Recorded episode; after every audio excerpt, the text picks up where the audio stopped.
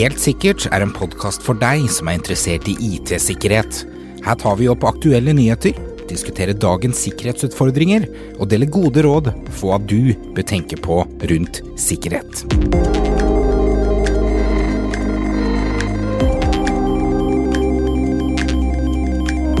Har du tenkt over hva som skjer faktisk hvis du taper dataene du har i dag? Jeg vet iallfall at eh, hvis eh, mine dokumenter på datamaskinen min i dag skulle ha forsvunnet, så hadde jeg mista masse. Jeg hadde mista Git, hadde Git-inventoriene mine, som selvsagt da ikke er synkronisert fordi at jeg liker ikke å ha det oppdatert. Hater å ha det oppdatert, det er verste jeg vet. Og alle VMware-maskinene mine de ville vært borte, for de lagrer seg i mine dokumenter. Alle Word-dokumentene, alt vi skriver, ville selvsagt forsvunnet. Og som jeg privat. Men selvsagt så har jeg jo backup. Eller jeg? Velkommen til Helsesikkert. Mitt navn er Stian. Mitt navn er Alexander. Og som introduksjon eh, som så vagt eh, kommer, så skal vi snakke litt om eh, backup. Men ikke, kanskje ikke backup, men heller datatap er vel kanskje oss et bedre tittel, egentlig. Ja, altså for oss handler det om å ha en riktig backup, handler jo om det å stoppe datatap. Ja. Og, og hvordan du stopper datatap, er jo på en måte å ha en løsning som vil ta vare på dataen din i alle mulige nivåer, ikke sant, som vi prata om. Kanskje litt privatfiler og bedriftens dokumenter. En bedrift har kanskje et veldig kompleks løsning eh, som ikke er bare enkelt å ta en ren backup av, og så har du alt. Datatap den beskytter oss mot, og en av løsningene er det ved hjelp av backup. Det, det, det finnes disse andre løsninger, f.eks. speiling av data. Om du klassifiserer det som backup eller ikke, er litt sånn eh, på kanten. Men det finnes uendelig mange måter egentlig å eh, beskytte seg mot data. Ja, altså, sånn fra topp av hodet så er det som du sa, speiling av data, snapshotting og, og replikering, synkronisering og litt sånne ting. Minnepinne. Ja, minnepinne. um, så det er veldig mange måter å ta vare på dataen sin, og datatap kan jo også være at man ikke sender ut dokumenter til uvedkommende, så DLP og sånne ting som, som vil forhindre deg å sende ut data til noen personer du ikke skulle sende ut data til, for eksempel, som for eksempel fødselsnummer, bankkontonummer og sånne ting på e-post. Det, det, er helt rett. Eh, vi skal ikke så mye snakke om akkurat de bitene i dag, vi skal bare heller fokusere på den backup-biten, men det er jo som du sier, det er datatap. Fordi har du egentlig kontroll på dataene dine i dag? Vet du hva data du har? Vet du at de faktisk er sikkerhetskopiert? Og vet du den egentlige kostnaden, eh, så hva som kan skje hvis du ikke har backup på dataene dine? Ja, og, og, i tillegg til det så vil jeg kanskje sagt Har du sjekka om backupen din funker? Ja, ikke minst. Vet du hvor lang tid det tar å recover backupen din hvis du skulle være uheldig at noe skjer? For Hvis vi drar litt tilbake igjen til eh, mine dokumenter på den eh, fine privat-PC-en min som jeg har hjemme. Eh, jeg har jo ganske mye der. Kanskje noen bilder òg, som kanskje ikke vil, vil, at noen andre skal se. Ha-ha, badabumsj. Nå skulle vi hatt sånn her, sånn her lyd på denne her, denne her podkastbordet vårt. Sånn her ha, morolyd. Ja, nå ble jeg litt rød her. Har du sett? Nei. Så sagt, Å ta backup eh, privat, så har jeg et, eh, et program installert på PC-en min som automatisk kopierer opp til skyen. Jeg bruker Yotta for øvrig. Og Det er en veldig enkel løsning å ta backup av mine dokumenter på. Og ha, bare ha full kontroll over hva jeg har i ja, backup. Mm. Men for en bedrift så er det litt annerledes. Fordi en bedrift består av mange flere komponenter. Ja, gjerne. ikke sant. Du skal kanskje ha backup av filer. Det er veldig viktig du, hvis du mister dokumenter og sånne ting.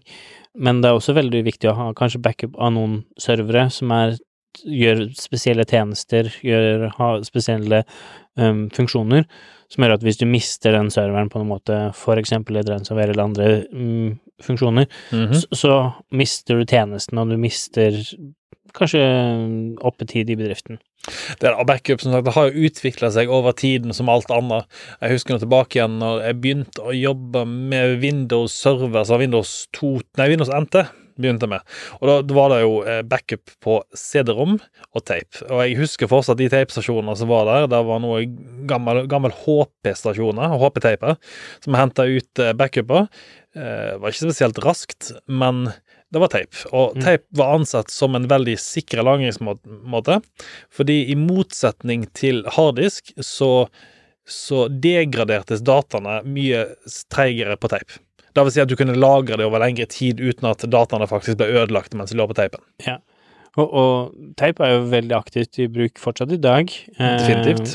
For det, som du sier, backup på tape, det holder veldig mye lenger. Backup på disk Ofte så er kanskje en disk har kanskje opptil 10-30 års levetid, før den da mister garanti eller mister eh, konsistenten av data. CD-er enda kortere.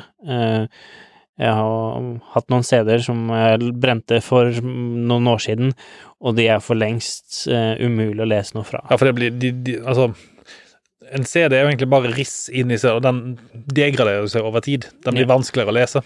Så, så backup på tape er på en måte den som har holdt lengst og, og er mest sikker, og, og til nå har hatt størst komprimeringsfunksjonalitet, si, si det at du får mm, flere hundre terabyte på noen taper, for. Og Det de fleste kanskje ikke tenker på, er at eh, hvis du tar backup på, eh, på harddisk, husker du IDE? Ja. IDE-harddisker. Hvor mange eh, hovedkort har i dag en IDE-leser? Jeg vet at du kan få kjøpt noen sånne der adapter i diverse steder, men du får jo ikke koble den harddisken til en PC hvis du, som du har for 15-20 år siden. Men backupen i dag har jo blitt veldig komplekst, litt på grunn av det her med at vi har kommet med så mange størrelser på data, altså vi har flere terabyte med data vi skulle ta backup av, og tape eh, er jo ikke akkurat den tingen som går fortest, så vi har gått over til å ta backup over til disk. Vi har kanskje gått over til å ha backup over cloud-tjenester, som du nevnte, som gjør at det kanskje backupen går fortere. Men også, når backupen går fortere, så er den kanskje lettere å miste òg. Ja, ta meg tilbake igjen til de gode gamle tidene der, eh, der pappa han eh, tok backup av systemet sitt på en ekstern harddisk, som han da flytta frem og tilbake mellom kontoret. Eh, Det vi kanskje ikke tenkte på da, var at den harddisken inneholdt jo all informasjonen. Og det var jo så enkelt. Det gikk jo så fort yeah. på én harddisk. Og så mister du kanskje harddisken, eller den detter i bakken, eller mm -hmm. et eller annet, så er dataen din borte, ikke sant. Du, du mister alt. Så jeg, jeg vil jo si at backup er et komplisert tema å snakke om, fordi at det finnes så mange, for, mange typer forskjellige systemer å ta ut. Eksempel en database-backup er ganske mye forskjell fra en full backup, og så har du inkrementell backup. Du har CDP, altså Continuous Data Protection, eksempel realtime-data. Mm. Så vil du ofte ha backup som må være i realtime, slik at du kan kunne rulle, rulle tilbake igjen på veldig kort tid, eksempel av børssystemet, der du har da aksjekurser. Der du må rulle tilbake til veldig spesifikke mikrosekunder hvis det skulle skje noe. Ja, og kanskje sånn som jeg ser veldig ofte SQL backup er også sånne funksjoner at du vil rulle tilbake til når den siste handlingen var gjort og sånne ting.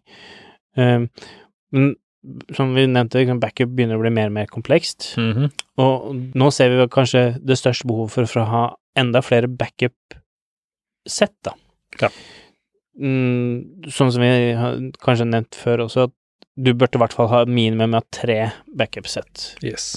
Et som du kan ta offline, et som, som du har kanskje et sted som er utenfor eh, bedriften din, kanskje en cloud backup eller et eh, eksternt office eller eh, noe sånt som ikke er lokalt, som hvis du for eksempel får en flom, brann eller et eller annet sånt, og ting på bedriften din brenner ned, så har du i hvert fall backupen din tilgjengelig et annet sted. Og også da en lokal backup som i hvert fall har kanskje det aller siste kopien av alle tung, ting du gjorde fra det siste minuttet eller siste timen. Det, det, det er den såkalte 3-2-1-regelen. Ja. er hovedsaken der som er kalt. Eh, og da drar vi oss inn på backup rotation scheme, eller eh, backup-tidsplan, la oss kalle det, oversatt til veldig dårlig norsk. Og det er jo da at du må jo sette opp hvilke type data du skal ta backup av, hva du skal data, hvor du skal ta backup til, og når du skal ta det, ikke minst. Og som vi nevnte innledningsvis, når du skal teste det. Ja. Det, vi ser veldig ofte, er at eh, folk har satt opp en backup, men ingen vet hva de har tatt backup av. Om den backupen man har tatt er fullstendig, om man har backup av de riktige tinga. Kanskje har man endra systemene sine litt siden man satte opp backupen, sånn at nå plutselig finnes filer et helt annet sted enn de gjorde når man satte opp backupen. Så alle de tingene her er jo en kontinuerlig ting man må følge med på, og, og kanskje ha dokumentert øh, og, og en rutine for å faktisk gjennomføre. Og det er jo som du nevnte, at med 3-2-1-regelen så skal du ha tre forskjellige kopier på tre forskjellige mediumer, lagre på tre forskjellige plasser, men når du har så mange forskjellige plasser, så skal du også ha kontroll på, på hva som befinner seg på de, eh, de forskjellige plassene, og at de skal være oppdatert. Ta pappa sitt eksempel, da, som hadde den ene harddisken han tok kopi av. Når han gikk inn og tok en ny backup, så skrev han jo over den forrige backupen i noen tilfeller. I noen tilfeller så la han bare til da på harddisken en ny versjon, slik at han hadde alle versjonene på den samme harddisken. Med andre steder i jobben så har vi lagra teiper som på eksterne lokasjoner, eh, der du tar en ny teip for hver uke. Slik at du har iallfall masse teiper inni der, så du har revisjoner da, av backupene tilbake igjen i tid. Mm. Og det var litt sånn som snakket om i forrige episode med ransomware, med at det hjelper jo litt lite å ha backup hvis den da viruset du har fått infisert med, eller ransomware, eller de, de filene du vil ha tilbake igjen, er allerede ødelagt på de tidligere tapene. Ja, og, og vi opplever jo i hvert fall veldig ofte når vi skal ha recovery ting fra backup, så skal du bare recovery den ene filen som er endra da og da, ikke sant. Mm -hmm. uh, ofte så er det kanskje en fil som var frisk om morgenen, men du har endra på den et par ganger, så du vil ha den som var for den siste timen, og sånne ting. Så hvis man da ikke har en god nok rutine på hvor ofte og hvilken type backup man har på forskjellige typer filer, så kan det være at du mister data uansett. Som du sagt, at du, hvis den filen har blitt kryptert for tre måneder siden, og du oppdager det nå, har du backup som er mer enn tre måneder siden. Så vil jeg nå også jeg har vært borti ganske mange tilfeller der vi skulle hente tilbake en backup, eh, la oss si 15 år tilbake igjen i tid, da. Eh, fordi at Oi, da var den filen, vet du. Og så finner man ut at 15 år tilbake i tid så brukte vi et operativsystem som ikke eksisterer lenger. For eksempel sånn som Novell Network, eh, som noen av oss dessverre har vært borti i et Mm. tidspunkt. Som da ikke nå eksisterer den dag i dag. Vi har borti Exchange. Eh, For eksempel hvis du kjører Exchange 2003, så kan ikke du bare rulle de dataene tilbake på en 2008. Da må du faktisk finne en 2003-server. Ja, og, og derfor er det veldig ofte å gå gjennom hvordan man tar backup, og, og, og velge den riktige backup-metoden. Tar man naivt bare backup ja, bare imager den serveren man hadde dataen på, så er det ofte som du sier at uh, ruller du tilbake igjen til litt eldre versjoner, Mhm. så har du et veldig stor jobb med å recovere en Yes. liten fil, bare. For det, du må for det første restore en, en stor datamengde, bare for å få kanskje én fil, og så må du da rulle tilbake igjen til masse versjoner og sånne ting. Så man har riktig backup av riktige dokumenter, sånn som ikke sant, med Exchange, så har man kanskje en backup av hele Exchange-serveren, men man har kanskje en datastore-backup, eh, og kanskje en mailbox-backup, så du kan hente ut én og én mailbox og Mm. restore den, så man slipper å gjøre den store jobben med å restore en hel server, for å så hente ut én mail på én mailbox. Og så kanskje ikke som noen av dere tenker på, er at la oss si at du tar deg en full backup av den Windows 2003 og Exchange 2003-serveren du har. Og så derfor du tenker at jeg kan bare rulle hele greien tilbake igjen. Så installerer du en ny server, nå la oss si at du har fått ransomware, da, eller du har fått virus, eller serveren er blitt sletta. Bare uheldigvis noen vet å delete den i VMware, eksempel. Så oppretter du en ny server, og så tenker du åh, det bare restaurerer backupen. Kjører du restart på backupen, starter opp, alt ser greit til og virker, og så oi, den var ikke lisensiert. Fordi den lisensen den hørte jo til den forrige maskinen, så den må aktivere seg på nytt igjen. Eh, Men det er jo ikke mulig å få aktivert Windows 2003 lenger, fordi Microsoft har stengt aktiveringsserverne sine. Ja, eller sånn som hvis du da har tatt en full backup exchange, som da er avhengig av Mhm. det, så må du kanskje rulle tilbake en gammel AD-server, Yes. du må gammel så, så du må Sertifikatene for eksempel kan være utgått for mange år siden, og så må du plutselig generere nye sertifikater, men da får ikke du gjort, for det er ikke en del av det. Så, så det å, å ta backup av dataen man trenger, på en riktig måte, er veldig, veldig viktig. Ja. Så eh, en, en VM-backup ser jeg på som kanskje noe som er en live, fersk backup. Man tar en VM-backup av ting som man kan lett komme tilbake igjen Yes. hvis du hadde en diskkrasj, noen klarte å slette fil, eller slette VM-en og sånne ting. Men all den historikken må du ta backup på en måte som du lett kommer tilbake igjen på i en periode langt tilbake. Ja, og så må du også ta hensyn til at du skal ta backup, eh, gjenopprette tilbake igjen til noe utstyr. For eh, hvor ofte har ikke vi vært borti selskaper da som blir infisert av noe? Og så kommer vi ut og sier ja, men de bare tar Restore, og så, så spør vi ja, hva server skal du eh, ta Restore til, da? Nei, men det, vi kan bruke den samme serveren, vel? Nei, den serveren der har vært infisert med virus. Du vet ikke om de har installert noe rotkit på den serveren at de har fått tilgang til firmaen til maskiner. Mm. Så den maskinen der kan du ikke bruke, og du kan mest sannsynlig aldri bruke den maskinen der igjen. Du kan ikke stole på den. Så hvilken maskin skal du ta? Og så da, nja, kanskje vi bare bestiller en, da? Og så Jo, jo, det går fint, da. Seks uker leveringstid. Og så kan du tenke deg, ja, du var heldig det skjedde med én server, men hva hvis det skjer med alle 50 serverne som står i rekket ditt? Mm. Hvilken leverandør kan i dag på sekundet hive seg rundt og for det første Én ting er å bestille de 50 serverne. Den andre ting er at det skal monteres, installeres, settes opp. Så kan du begynne å tenke på å rulle tilbake backup, men så må du også tenke at ja, den backupen kan jo være infisert, så vi må kanskje gå et par år tilbake i tid. Og så må ja, det manuelt inspiseres. Eller du har ikke Backupen er infisert, yes. du, og du må ha den siste. Sant. Så du må faktisk gjøre en grunnleggende jobb og, og gå gjennom hele systemet og fjerne alle mulige bakdører, og kanskje hente ut data og installere på et ferskt miljø.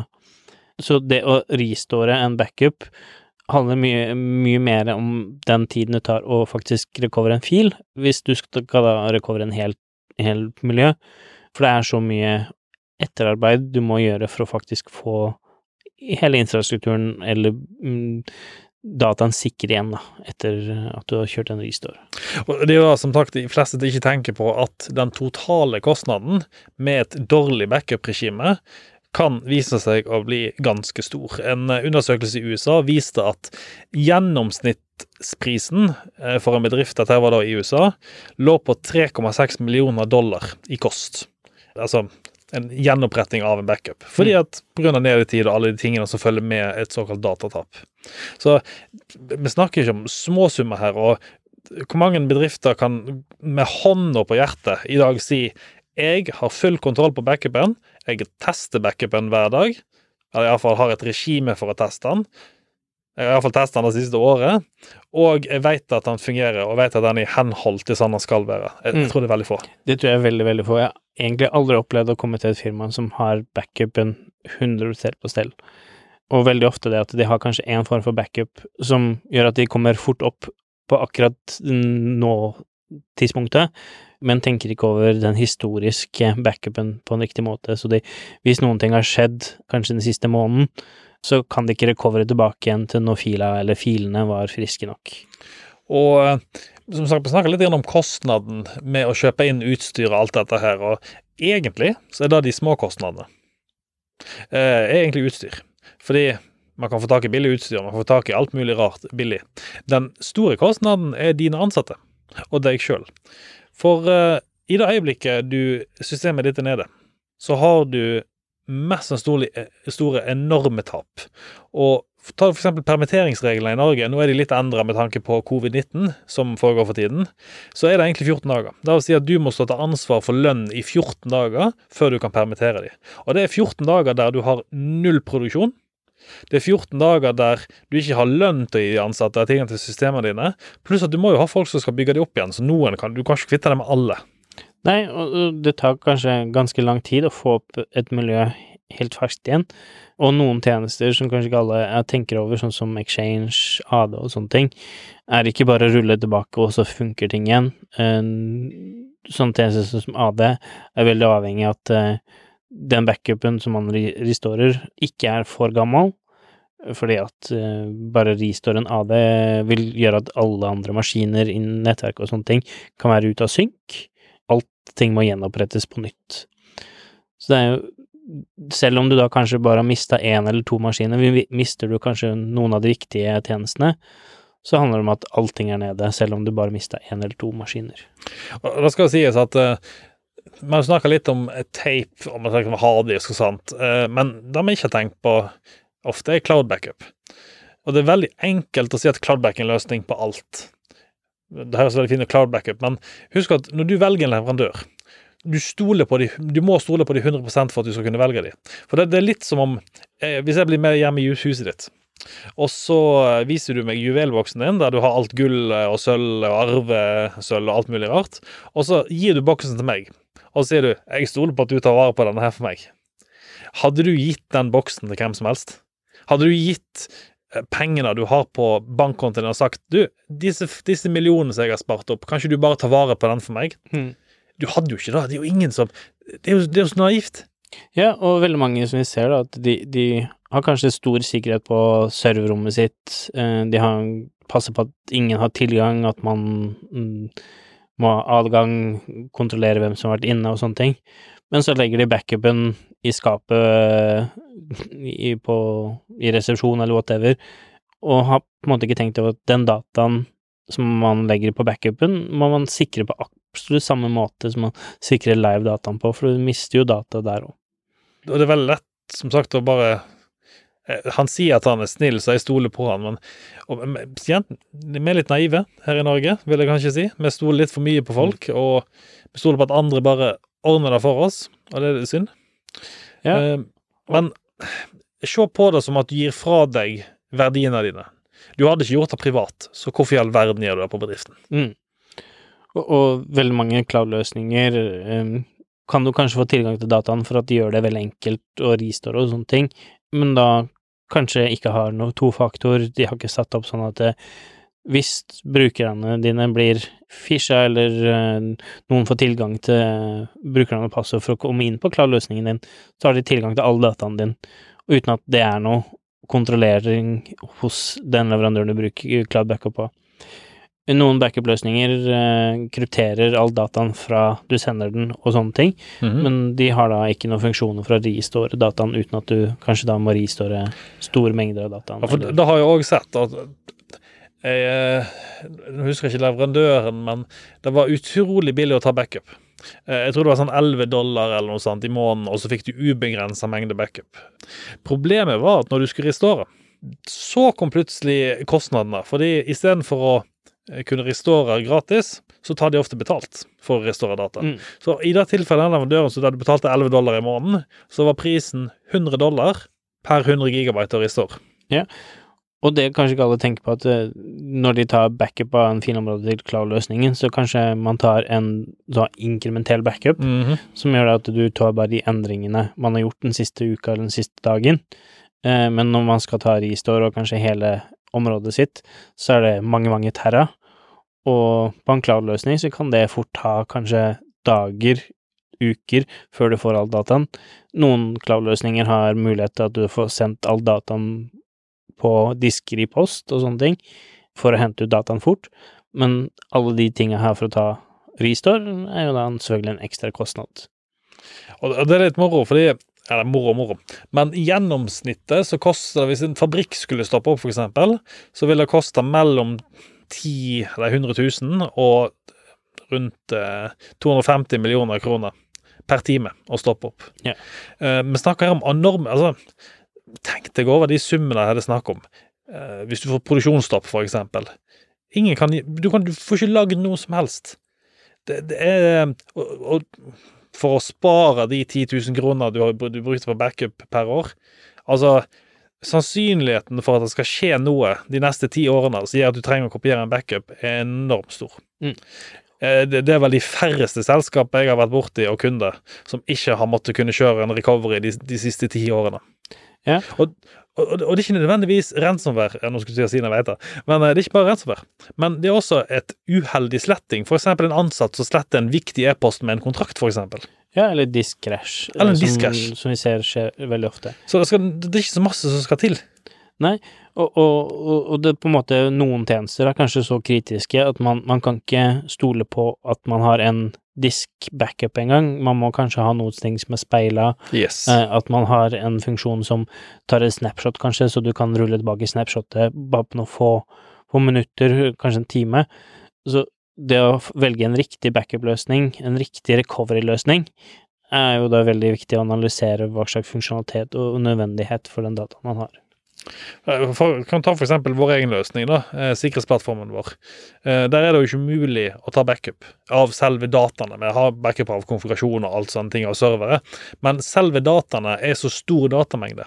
Og Dette kjenner dere kanskje dere igjen, dere som jobber med store databaser. Eksempel terabyte-database, 2 terabyte, 100 terabytes. Yeah. Og der dataene kommer inn såpass mye at backup vil rett og slett knele systemet. Så måten å løse det på i sånne systemer er jo som du sier, replikering av data. Mm. Eh, Minimum en replikeringsfaktor på tre, vil si at du har tre kopier, men vi anbefaler at du går opp til fire, slik at du har en, også en reservekopi. Ikke sant? Så når du får sånn som når jeg opplever på datamengden Her så snakker vi ikke om noen få gig. Nei. Eh, Vi, vi, vi får inn kanskje en par terabyte. I døgnet. døgnet. Ja. Og, og, og som du sier, liksom, å få en backup av det, det finnes det nesten ingen løsninger for. Så derfor må man velge en annen form for recovery-løsning. Men det som er skummelt, er jo at du, du sikrer deg Hvordan skal jeg si dette her, da? Det er veldig mange som tenker over at de sikrer seg med å ta backup mot eh, datatap. Eh, men det man ikke tenker over, er korrupterte data. Eh, altså korrupte data. Ta for eksempel si at uh, du har korrupte data, og de blir da speilet eller tatt backup av. Så tar du også backup av de korrupte dataene. Det finnes løsninger som, på backupene som sjekker om dataene er korrupte eller ikke, om du har store endringer, men Ja, ikke sant, og da er det inn på, ikke sant, for å, å bevare det med kanskje kryptering eller korrupt data, eller du gjør en endring som ikke funka, så har man kanskje versjonsendringshistorikk på filene, sånn at man egentlig aldri sletter en fil, man bare endrer historie, versjonshistorien på fila. Og sånne løsninger for, for å faktisk kunne recovere fort tilbake igjen til en, en god tilstand. Så her er det veldig mange løsninger for å, å komme tilbake igjen til en nødvendig tilstand, og de riktige løsningene eh, må man da finne ut ifra hvor nødvendig en tjeneste eller en fil er. Så for å summere opp litt, da, avslutte med en liten quiz. Hvor mange bedrifter tror du opplever flere enn 20 datatap per år? Altså du skulle sagt i prosent. Flere enn 20, jeg håper ikke det er mange, men uh, siden du stiller spørsmålet, så vil jeg tenke en 30 prosent, kanskje? Ikke langt unna. En femtedel av alle bedrifter verden over har mer enn 20 eh, datatap eh, per år. Og med datatap da, så kan det være sånn Det kan være enkle, og det kan være kompliserte. Men vet du hva den nummer én årsaken på datatap er? Eh, Uheldig sletting av filer? Yes, helt korrekt. Det er da at en bruker faktisk går inn og sletter filene. Mm. Så, så dere som nå sitter og lytter på her i dag, ikke tenk over datatap som at dere må gjenopprette alt. Men datatap kan være så lite som at en bruker som sagt sletter en fil uheldigvis, eh, og må få den tilbake igjen. Mm. Uh, og meg og deg har jobba i IT-verden her i lang tid, og vi har jo sjøl sittet og hjulpet bruker med de telefonsamtalene der de har sletta den viktige kontrakten som de satt og skrev på. Eh, Mm. Og den må gjenopprettes med en gang. Eller den som de jobba på i går og skulle sendes og signeres i dag. Ja, og det er derfor vi ser at det er veldig nødvendig med, forskjellig typer backup Yes. for å få tilbake igjen systemene og bedriften, kanskje en, en form for et backup av VM-miljøet ditt, eller en backup av serverne. Men når du kommer tilbake igjen at du skal til restore av filer, ikke sant, så må du ha en annen form for backup, så du tar fil backup, og har en lang historie tilbake, så du kan recover en fil som ble endra for tre måneder siden, kanskje. Og så teste det. Så hvis vi skal gi topp tre, da, siden vi liker så godt topp tre her er helt sikkert, så um, Jeg, jeg ville si kartlegg dataen din, og viktigheten med dataen din. Det må være første prioriteten din. Ja, det er en god en, faktisk. Så du, du vet hvilken data du har, hva du må ta backup av, og nødvendigheten for historie på backupen. Ja, jeg, jeg er enig. Eh, Jeg er helt enig. Fordi det er utrolig vanskelig å vite hva du skal ta backup av hvis ikke du vet hva du har. Mm. Det, er, altså, det er umulig. Du kan si du skal ha full backup, men den IT-sjefen som står der ute nå og sier 'jeg skal ha full backup av alt hele tiden, hver dag, hver time' Sorry jeg måtte si det, men jeg tror kanskje ikke du burde være IT-sjef. Nå får jeg sikkert ganske mange IT-sjefer på nakken, men da får heller våge seg. Full backup av alt eh, til enhver time, det, det er teknisk nesten umulig. Ja. Eh, men, men ikke sant, du har du, vet du hva slags data du trenger, og, og den kan endre seg fra kanskje måned til måned, eh, uke til uke, ut ifra hvor stor endring du har i systemet. Så det må være et live-dokument du oppdaterer hele tiden. Så jeg vil nok si at eh, mitt, eh, eller punkt nummer to da, for, for min del òg, vil nok være å opprette et, eh, et backup, backup-tidsplan. Eh, slik at du vet hva du tar backup av, når du tar backup av, hvilket medie du tar backup til, og ikke minst hvem som skal ta backup. Og på samme plan også ha en eh, disaster recovery-mulighet som står hvilke roller skal gjøre hva når man skal ta eh, f.eks. gjenoppretta filer. Fordi i de fleste tilfeller så er det som regel supportdesken eller uh, de som sitter på IT-support som hjelper brukeren med å gjenopprette filer. Det er jo ikke noen grunn til at det skal gå inn til tredjelinje og andrelinje support. Nei. Og, og da og man tar backup på en riktig måte, sånn to-tre-regelen eh, og sånne ting som du sa. Og så eh, tredje punktet så er at bruk forskjellige lagringsmedium, eh, ville nok sagt. Og bruk det som er tilpassa til din bedrift. Ikke bare ta noe. Eh, som, som jeg nevnte inn på slutten, at vi kjører replikering på enkelte av dataene. Vi kjører backup til cloud på andre, og vi kjører offsite backup på en tredje løsning, slik at vi har da tre forskjellige løsninger på tre forskjellige typer data. Ja. Og, no, for noen tjenester så kanskje et snapshot uh, er nødvendig, for at du kan lett rulle tilbake igjen Mm -hmm. til et ting. Sånn som jeg ville kanskje anbefalt å ha et godt snapshot av AD, sånn at du til enhver tid har live rulling tilbake igjen hvis noen har sletta en hel Yes. med brukere og sånne ting. Så Eller for eksempel database-backup, der du da tar backup en tabell som La oss si at du skriver ofte til en spesifikk tabell i databasen. Det kan eksempel være ordretabellen, Mm. og den er noe du må ha oppdatert hele tiden, og du må ha den tilbake igjen til veldig raskt hvis det skulle skje noe. Yeah. Mens kanskje produktinfotabellen, den er ikke så viktig, så der tar ikke vi så ofte backup. Sånn at du tilpasser system, altså backupen til det systemet som du har. Og så ville jeg lagt til nummer fire her, da, og test backupen jevnlig. Det er jo et godt poeng. Eh, Og, og med test så vil jeg også si ha klare rutiner dersom du må kjøpe inn utstyr. Dersom du må eh, gjenopprette backupen, så ha en plan på hvor du skal gjenopprette den til. Ja, Og når du har gjort en test, så vet du kanskje hvor lang tid det tar. og De står det, så når bedriften da har mista kanskje en server, så kan du si ja, det tar to dager å gjenopprette. Yes. Og, og hvor mange folk du trenger. For det, er kanskje noe man ikke tenker på at uh, hva skjer hvis den IT-ansvarlige som du ansatte for ti år siden, men slutta for fem år siden, men satte opp backup-løsningen som er den eneste som kjenner til løsningen, har forsvunnet? Ja. Eller kanskje er på ferie? Hvem Sett skal da ta det? Yes. Denne med også, eller enda verre, er på ferie og sier Nei, du er kommet tilbake om tre uker, jeg er i Spania nå, så vi må bare vente. Den har vi også sett noen ganger. Ja. Så det er nok de la oss si, topp seks-tipsene, da, istedenfor tre. Men uh, ja. uh, så, så dere der ute nå som sitter som IT-svarlig, sjekk at dere har backup, for det første. Hvis dere ikke har backup, ta kontakt med IT-partneren. Eh, Få de til å hjelpe dere å sette opp en løsning som er tilpassa til dere. Ikke bare gå ut og kjøpe en løsning. Gå, gå og få tak i noe som er tilrettelagt for dere og deres behov. Ja, og jeg tror nok ingen bedrifter er like. Nei, absolutt ikke. Eh, Langt ifra. Eh, For eksempel pappa sitt system som jeg snakket om tidligere, med den harddisken som jeg kjørte teip på, var økonomisystem. Så der krevde det at vi tok back hvert femte minutt. Bare for å ha oppdaterte data. Og da var jo tilpasset til økonomisystemet. Mm. Mens andre behov er jo helt annerledes. Så eh, ja, nei, jeg tenker det er det for oss i dag. Så kos dere med backup nå. Eh, Det er kanskje noen IT-ansvarlige sitter der ute og svetter på hjemmekontor for øyeblikket når de hører den podkasten. Forhåpentligvis ikke, men eh, noen er det vel kanskje. Ja, og nå er det jo god mulighet til å ta tiltak på de tingene her. Så. Altså Nå har jo dere veldig mye fritid på datasentrene der ute, og eh, kan være helt alene, ingen ansatte som kommer og forstyrrer dere. Så nå er det god mulighet til å sette opp alle disse rutinene dere ellers skulle gjort. Men dere får ha en god dag der ute. Så snakkes vi. Ja. Det høres. Ha det bra. høres. Ha det bra. Podkasten Helt sikkert er laget av Cybron Security og produsert av Shaw Media.